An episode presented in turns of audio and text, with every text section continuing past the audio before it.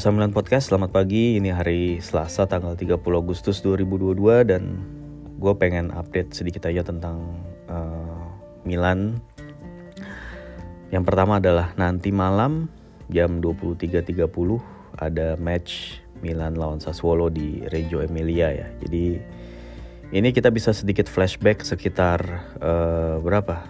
Hmm, tiga bulan lalu ya tiga bulan lalu uh, Milan ini meraih Scudetto di tempat ini gitu deh di Reggio Emilia di Stadion Mapei. Ya kita lihat aja semoga spirit Grinta ya yang dibawa skuad sekitar tiga bulan lalu itu masih uh, masih banyak tersimpan di tankinya para pemain sehingga para pemain itu terus uh, meningkatkan motivasi dan bisa membawa pulang tiga poin ya supaya terus membawa bekal menjelang Derby della Madonnina akhir pekan nanti. Gitu. Jadi ya gue nggak akan terlalu banyak ngebahas uh, Sassuolo Milan ya. Selain Sassuolo itu udah menurut gue cukup banyak berubah sih. Ya mereka tidak lagi diperkuat oleh Raspadori terus uh, tidak ada Filip Juricic uh, siapa lagi ya terus pemain intinya? Uh, Skamaka gitu ya tapi walau demikian mereka masih punya Berardi, um, terus masih punya De Vrel, ya terus uh, gelandangnya juga masih punya kayak uh, Maxim Lopez, terus uh, Henrique dan juga si siapa Fratesi gitu ya. Uh, mereka masih tim yang solid sih pada dasarnya dan mereka punya cara bermain yang cukup uh, bagus, enak dilihat gitu ya, possession based mereka tim yang modern menurut gue. Walaupun setiap musimnya ada aja kehilangan best player mereka ya. Inilah yang kemudian emang menghambat gitu. Menghambat tim ini untuk ke papan atas. Tapi anyway ya gue rasa Milan masih punya peluang besar menang lawan Sassuolo. Walaupun Milan itu kabarnya tanpa Ante Rebic dan Divock Origi ya yang mengalami cedera ringan lah Origi mengalami ada masalah otot ya Rebic katanya back pain gitu ya. Uh, mungkin kebanyakan kerja di depan laptop jadi back pain. Terus uh, apalagi ya? Uh, gue nggak tahu apakah Milan akan menurunkan Lare sebagai uh, starter lagi gitu setelah penampilan uh, impresif ya pas lawan Bolonya. Bisa jadi Pioli consider dia akan starter lagi tapi media mengabarkan ya Deket Lara tuh akan disimpan nanti buat derby kayaknya sih. Jadi Ibrahim yang akan uh, step up sebagai starter dengan di sampingnya ada Leo dan Selemakers atau Junior Mesias ya. Lalu kemudian di posisi gelandang kabarnya uh, Pioli akan mempertimbangkan Tommaso Pobega untuk mendampingi Benacer dan Calabria posisinya akan diganti Florenzi ya dan kemudian Simon Kayer akan mengisi posisinya Pierre Kalulu selebihnya sama itu aja sih paling. Ya emang rotasi pemain ini uh, adalah hal yang tidak terhindarkan ya mengingat jadwal yang padat karena habis lawan Inter juga Milan akan ke match day pertama Liga Champions lawan Red Bull Salzburg. Ya jadi emang uh, tim pelatih ini harus pinter-pinter uh, ngatur kondisi pemainnya gitu ya supaya mereka itu ready tiap uh, harus tampil gitu. Jadi harus dirotasi terus supaya mereka terbiasa dengan game gitu. Uh, lalu kemudian kalau dari transfer setelah um, kedatangan uh, Charles de Ketlare itu Milan tidak ada pemain yang masuk atau keluar. Mereka hanya uh, kemudian um, rumor-rumor aja gitu ya. Bahkan sempat rumor Tommaso Mancini nggak taunya Mancininya malah ke Juve terus uh, beberapa pemain lain lah.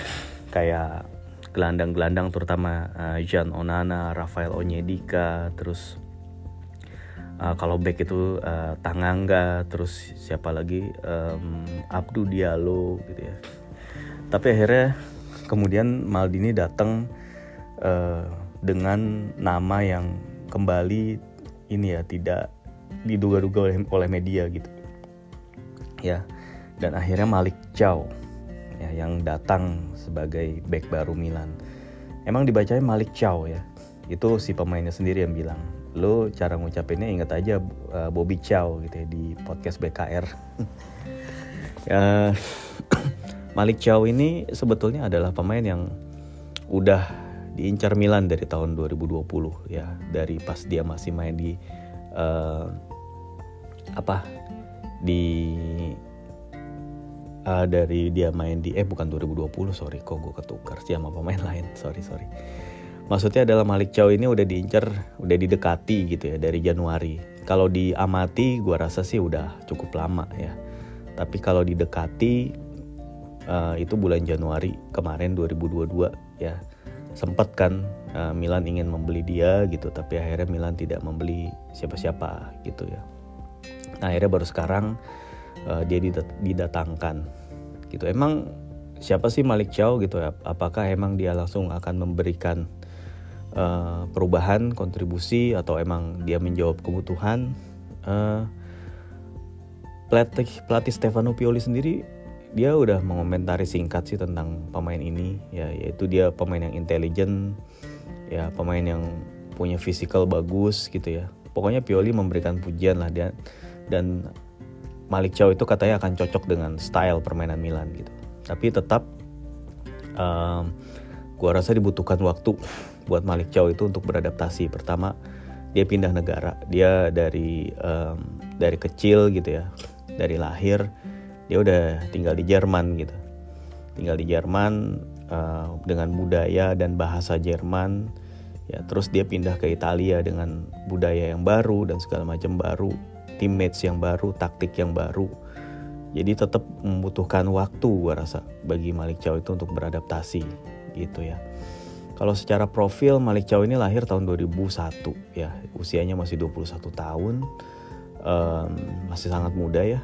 Tapi ya kalau buat Stefano Pioli pemain muda itu usia di bawah 19 jadi Pioli ini termasuk pelatih yang berani mendobrak tradisi atau mendobrak cara berpikir uh, pelatih-pelatih Italia pada umumnya yang uh, rasanya agak sulit menurunkan pemain muda. Kalau Pioli tidak tidak anti dengan uh, dengan menurunkan pemain muda ya asalkan emang dia punya kualitas dan secara taktikal cocok why not? Gitu. Jadi Malik Chow ini uh, ya sejak kecil dia udah main di tiga akademi klub yang berbeda yaitu uh, Dusseldorf ya Fortuna Dusseldorf terus kemudian um, uh, siapa namanya Bayer Leverkusen lalu kemudian Borussia Mönchengladbach. Itu dia main di akademi tiga klub tersebut. Sebelum akhirnya dia ke akademi Schalke sejak usia 14 tahun. Nah dari usia 14 ini kemudian dia butuh waktu lima tahun sampai akhirnya dia dipercaya jadi uh, starter di tim senior gitu. Ini emang sejalan dengan kondisi finansial Schalke yang emang sangat-sangat jelek gitu ya. Dia ngejual pemain seperti Joel Matip, ya back-back ya. Uh, terus uh, Benedict Hoedes juga sempat kan. Um, ya jadi akhirnya ini memberikan ruang gitu bagi pemain-pemain akademinya untuk naik ke tim utama ya Schalke dari dulu akademinya bagus sih uh, Leon Goretzka itu kan dari Schalke terus si gue lupa ya Manuel Neuer juga apa enggak ya tapi yang gue tahu Goretzka uh, Julian Draxler ya terus siapa lagi ya? Um, uh, siapa lagi sih tuh pemain-pemain Schalke yang dari akademinya? Gue lupa lah pokoknya cukup banyak lah pemain yang dari uh, Schalke itu. Dan Malik Chow ini jadi salah satunya dan akhirnya dia um, establish di first team gitu ya. Dan Malik Chow ini udah main dengan formasi uh, macam-macam ya. Dia pertama semusim pertama dia main di formasi 3 back sebagai uh, back tengah kanan, lalu kemudian musim keduanya dia sempat main di 4 back, lalu kemudian balik lagi ke 3 back. Dan sekarang kalau nggak salah Schalke tuh main di posisi apa di Bundesliga ya. Setelah dia promosi lagi akhirnya main lagi jadi main di 3 back kalau gue nggak salah. Gue belum cek sih last match last last matchnya Schalke. Sorry. Tapi Malik Chow ini sudah uh, cukup banyak bermain ya. Kalau nggak salah musim lalu di Bundesliga 2 dia main 31 game. Dan sekarang di awal musim dia udah main 3 game. Jadi untuk usianya yang masih muda gitu ya relatif muda dia udah punya cukup pengalaman lah. Apalagi pengalamannya adalah pengalaman main di Bundesliga yang mana Bundesliga itu liga yang cepat gitu ya, yang fisikal juga ya. Um, yang mana uh, kalau dia bisa bersinar di Bundesliga, kalau dia bisa main sebagai pemain di Bundesliga, menurut gue ini udah jadi bekal yang bagus untuk main di Serie A gitu ya. Ya Malik Chow ini punya tinggi 194 cm ya, yang mana ini adalah menjadikan dia sebagai center back paling tinggi di Milan uh, bersama Simon Kjaer gitu ya. Ini ini kayak bisa dibilang uh, ya sedikit lah menjawab kebutuhan Milan atas uh, center back yang tinggi besar gitu ya. Uh, jadi Malik Chow ini gue rasa dia bisa akan belajar banyak dari uh, siapa namanya Simon Kjaer ya. Simon Kjaer kan juga bisa berbahasa Jerman. Kjaer pernah main di Wolfsburg ya. Uh, jadi gue rasa Kjaer akan menjadi mentornya dia untuk belajar gitu ya. Uh, mereka punya ciri fisik yang sama, yang mirip gitu ya. sama-sama uh, tinggi gitu ya walaupun si Malik Chow ini kalau secara karakteristik tidak juga sebagai ball playing defender seperti halnya si Simon Kjaer tapi Malik Chow ini emang secara karakter permainan ya uh, dia lugas gitu ya. Dia uh, cukup baik dalam melakukan marking gitu ya. Terus uh, dia punya intercept dan tackle yang bagus. Terus uh, dia bisa ngebaca pergerakan lawan paling yang kurang di dia itu kayak decision making yang mana kalau berhadapan sama striker-striker yang uh, jago gitu ya kayak dia sempat berhadapan sama Erling Haaland itu dia kebobolan gitu dia telat untuk melakukan uh, ya untuk menutup ya ruang geraknya Haaland gitu. Tapi ya wajarlah Haaland itu kan pemain prodigi gitu ya. Dan ini buat Malik Chow tentunya jadi pengalaman gitu ya. Dan ini juga bisa jadi area yang bisa diimprove oleh si pemain gitu. Dan ya menurut gue uh, kita nggak nggak nggak akan langsung bisa melihat Malik Chow ini masuk rotasi tim ya. gue rasa Gabia dan Simon Kjaer itu tetap ada di depannya dia dalam packing order uh, uh, defender gitu. Di belakangnya Tomori Kalulu ada Kjaer dan Gabia. Chow ini gue rasa dia datang masih jadi pilihan kelima. Tapi kalau dia bisa menunjukkan uh, hal yang bagus pada saat latihan, dia bisa aja menggeser si Matteo Gabia si di urutan ya kalau secara uh, packing order gitu ya. Dan uh, karena Milan itu akan main kayak tiga hari sekali gitu ya dan uh, terutama sebelum Piala Dunia jadwal itu kan kayak di squeeze gitu ya jadi padat banget. Jadi kehadiran seorang back seperti Malik Tiaw ini gue bilang emang uh, dibutuhkan gitu. Cuman emang tantangannya harus cepat beradaptasi karena uh, kalau misalnya lama adaptasinya gitu ya dan apalagi sampai bikin blunder apalagi sampai performanya jelek itu sulit buat seorang back itu bertahan di Milan gitu ya kita tahu dari zaman dulu Milan sering mendatangkan back-back yang katanya potensial bagus dan bahkan dari zamannya eranya Berlusconi ya ada Martin Lawson, ada Mario Re, Mario Yepes, ada Christian Zapata itu mereka potensial pas lagi muda. Ada siapa lagi? Uh, Adil Rami. Adil Rami sih lumayan bagus sih menurut gue terus ada siapa lagi? Um, back back potensial dulu Acerbi. Acerbi tuh waktu di Milan tuh masih muda gitu ya. Terus ada ya banyak lah. Dario Smohe dan juga si siapa namanya? Uh, kemudian ada ada Rodrigo Eli gitu ya. Itu kan back back yang masih muda gitu ketika main di Milan gitu. Dianggap high prospect tapi lalu kemudian ya flop gitu. Ya jangan terlalu cepat aja sih menurut gue jangan terlalu cepat untuk uh, memberikan dia labeling ini itu uh, di diharapkan begini begitu ya. Biarin dia berkembang dengan uh, nyaman gitu ya di tim ini. Ya kemudian selain dari Malik Chow Milan juga mendatangkan satu gelandang muda. Ya usianya masih 16 tahun Darius Talmach ya uh, kemarin dari Stalmach itu udah tiba di kota Milan dan melakukan medical ya. Kelihatannya official announcementnya tuh akan segera sih. Belum diumumin tapi akan segera. Dan Stalmach itu akan main di tim Primavera. Ya masih 16 tahun juga gitu. Tahun ini 17. Jadi wajar lah dia main di Primavera dan kalau ngelihat di highlightnya sedikit gitu ya. Stalmach itu gue bilang gaya permainannya malah mirip Gattuso. Dia tuh sangat berani gitu ya. Uh, sangat lugas dia nggak ragu-ragu dalam melakukan tackling gitu ya. Dia jago membaca permainan ya dia punya power gitu ya. Yang mana ini bisa jadi cocok sih buat gaya permainan Milan dan terutama kalau di Primavera lini tengah Milan itu kayak lesu darah banget gitu. Nggak ada pemain yang bener-bener yang stand out gitu di lini tengah Milan ya. Uh, sementara mereka punya penyerang seperti si Lazetic ya di Primavera um, dan juga si El Hilali dan Leonardo Rossi yang lumayan. Ya, dan Caka Traore yang lincah mereka nggak punya gelandang yang bisa nge-carry tim ini gitu. Yang gue harap sih peran ini bisa diemban oleh si Stalmach ya di Primavera dulu. Setidaknya semusim dua musim di Primavera kita bisa lihat nanti ya um, atau tiga musim lah di Primavera pas jadi nanti usianya udah 19-20 tahun dia bisa jadi akan dipromosin ke tim utama. Yang mana ini akan jadi hal yang bagus ya, investment yang bagus karena si Stalmah ini juga kabarnya diincar oleh tim-tim gede Eropa kayak Real Madrid gitu ya, Liverpool. Dia punya talent sih. Dan Darius Salmah juga uh, Stalmah ini ini adalah mantan rekannya si Lukas Podolski. Stalmah itu didatangin dari mana sih? Gue lupa ya Darius gue googling sebentar. Uh, Gornik Zabreze.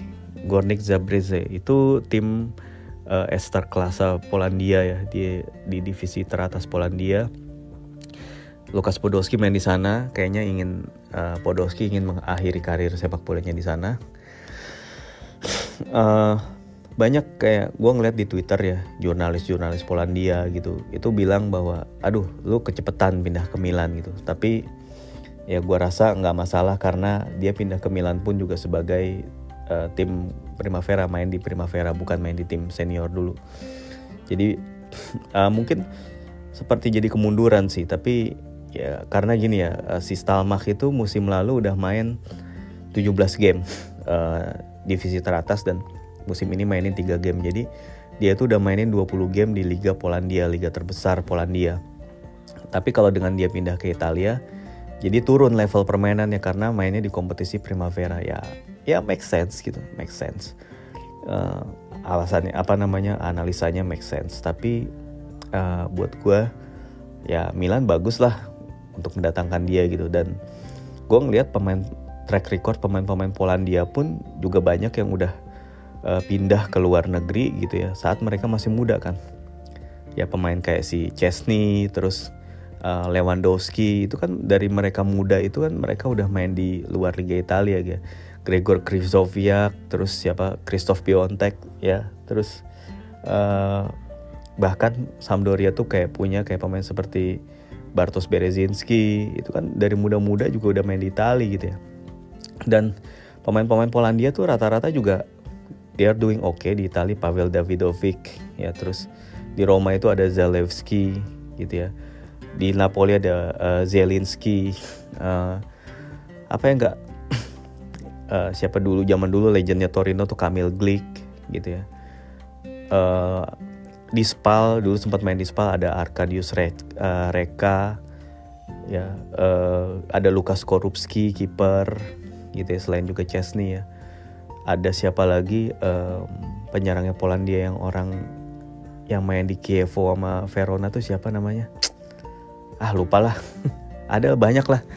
Banyak banyak pemain-pemain Polandia yang ini ya yang main di Serie A atau di kompetisi sepak bola Italia. Tiago Cionek gitu bekas pemain Spal. Itu kan juga orang Polandia. Terus banyak lah jadi gue rasa nggak masalah ya kalau dari sisi culture mereka nggak akan terlalu shock gitu ya. Karena banyak pemain Polandia yang ke sini ya. Ya gue harap dia bisa jadi ngebantu timnya Abate sih dan adaptasi di Primavera 2 atau 3 musim itu akan membuat dia terbiasa dengan sistem permainan Italia, dia akan bisa bahasa Italia dan let's hope that dia akan main di tim inti segera. Gitu um, apalagi ya jadi untuk saat ini Milan uh, untuk ke depannya ya Milan masih uh, mengincar satu gelandang. Tapi dengan syarat kayaknya si Bakayoko harus cabut dulu. Uh, saat ini nama yang paling dekat sama Milan tuh Aster Franks ya. Aster Franks itu uh, main di Wolfsburg ya. Dan Milan udah mengapa, mengamati dia dari dia main di Mechelen dua, tahun 2020 udah Milan udah mengamati dan uh, yang satu hal menarik dari si Aster Franks itu adalah ambidexteritasnya. Uh, ambidexteritas itu artinya pemain ini bisa menggunakan uh, dua kakinya dalam menendang gitu ya. Aktif menggunakan kaki kanan dan kiri. Jadi pemain dengan karakter seperti ini kalau emang dia kemudian jadi pemain bagus, dia akan makin sulit diduga gitu. Pemain yang seperti ini kan kayak kalau di di Milan itu ada Brahim Diaz ya. Dulu di Arsenal ada uh, Santi Cazorla itu sangat bagus dia bahkan bisa ngambil free kick pakai kaki kiri dan bisa ngegolin juga. Ya, pemain kayak gini langka sih ya dan itu satu aspek dan lainnya ya dia udah main di Bundesliga dan dia udah biasa dengan pressing game. Jadi gua rasa Franks ini akan menjadi good addition. Asar Frank juga masih 19 tahun, tapi bulan Oktober akan 20 tahun, jadi uh, bisa dibilang dia cocok main di sini ya dan akan bergabung dengan teman-temannya Tonali, Benacer gitu ya di tengah uh, Krunik ya, Pobega. Ya dengan kehadiran Franks ini juga akan membuat persaingan di lini tengah itu akan semakin ketat dan ini harusnya uh, kalau pemain yang kompetitif itu ya akan berusaha untuk lebih baik terus gitu ya gue rasa ini aja dulu update yang mau gue sampaikan di dalam Kasamilan Podcast. Oh ya jangan lupa ada giveaway buku Kasamilan Podcast ya buku yang ditulis oleh gue yang judulnya La Storia Scudetto jadi buat teman-teman yang pada waktu itu belum kesampaian untuk beli ketinggalan pre-ordernya ataupun punya ya mungkin punya pertimbangan lain untuk belum bisa beli ya sekarang gue ada ngasih nih dua buku secara gratis nanti kepada dua pemenang ya. Ya simak aja di timeline gue lah syaratnya apa. Yang pasti follow lah ya. Ya dan kalau bisa sih follow Spotify-nya juga. Jangan cuma follow di Twitter tapi follow di Spotify juga. Gitu. Jadi ya nggak ketinggalan uh, ininya kalau ada update. Ya terus abis itu um, pengumumannya nanti. Ya kira-kira sehari setelah ini. Kan tanggal 1 kan gue gue ngasih deadline tanggal 1 September pengumumannya mungkin mungkin besok ya kalau pas emang sempat bikin episode. Dan pengumumannya akan di podcast ya jadi bukan di Twitter nanti kayak dulu. Jadi standby uh, untuk nungguin pemenangnya di podcast. Nanti kalau emang udah denger siapa pemenangnya gitu ya uh, nanti silakan DM ya. Silakan DM ke Twitter Kasamilan Podcast untuk ngirimin alamatnya. Gitu. Jadi emang gue sengaja ngasih uh, giveaway ini tentunya kepada yang follow dan juga yang ngedengerin Kasamilan Podcast kalau yang nggak ngedengerin buat apa. Jadi ini bisa jadi akan menjadi tes juga kayak misalnya nanti kalau dalam ya di DM ya misalnya dalam satu kali 24 jam itu nggak ada DM yang masuk ke gue gitu ya mungkin nanti akan gue cari lagi pemenangnya gitu. Ya gitulah kurang lebih. Semoga sukses ya uh, dan uh, apalagi ya um, ya udah gue rasa kita tunggu aja sampai bursa transfer berakhir dalam seminggu ini siapa yang akan didatangkan Milan siapa yang akan keluar dari Milan ini rasanya akan menjadi hal yang menarik oke okay, uh, eh, Terima kasih udah dengerin Kasamongan Podcast. Semoga berkenan. Mohon maaf kalau ada yang salah-salah. Sampai jumpa lagi dalam episode Kasamongan Podcast berikutnya. Ciao.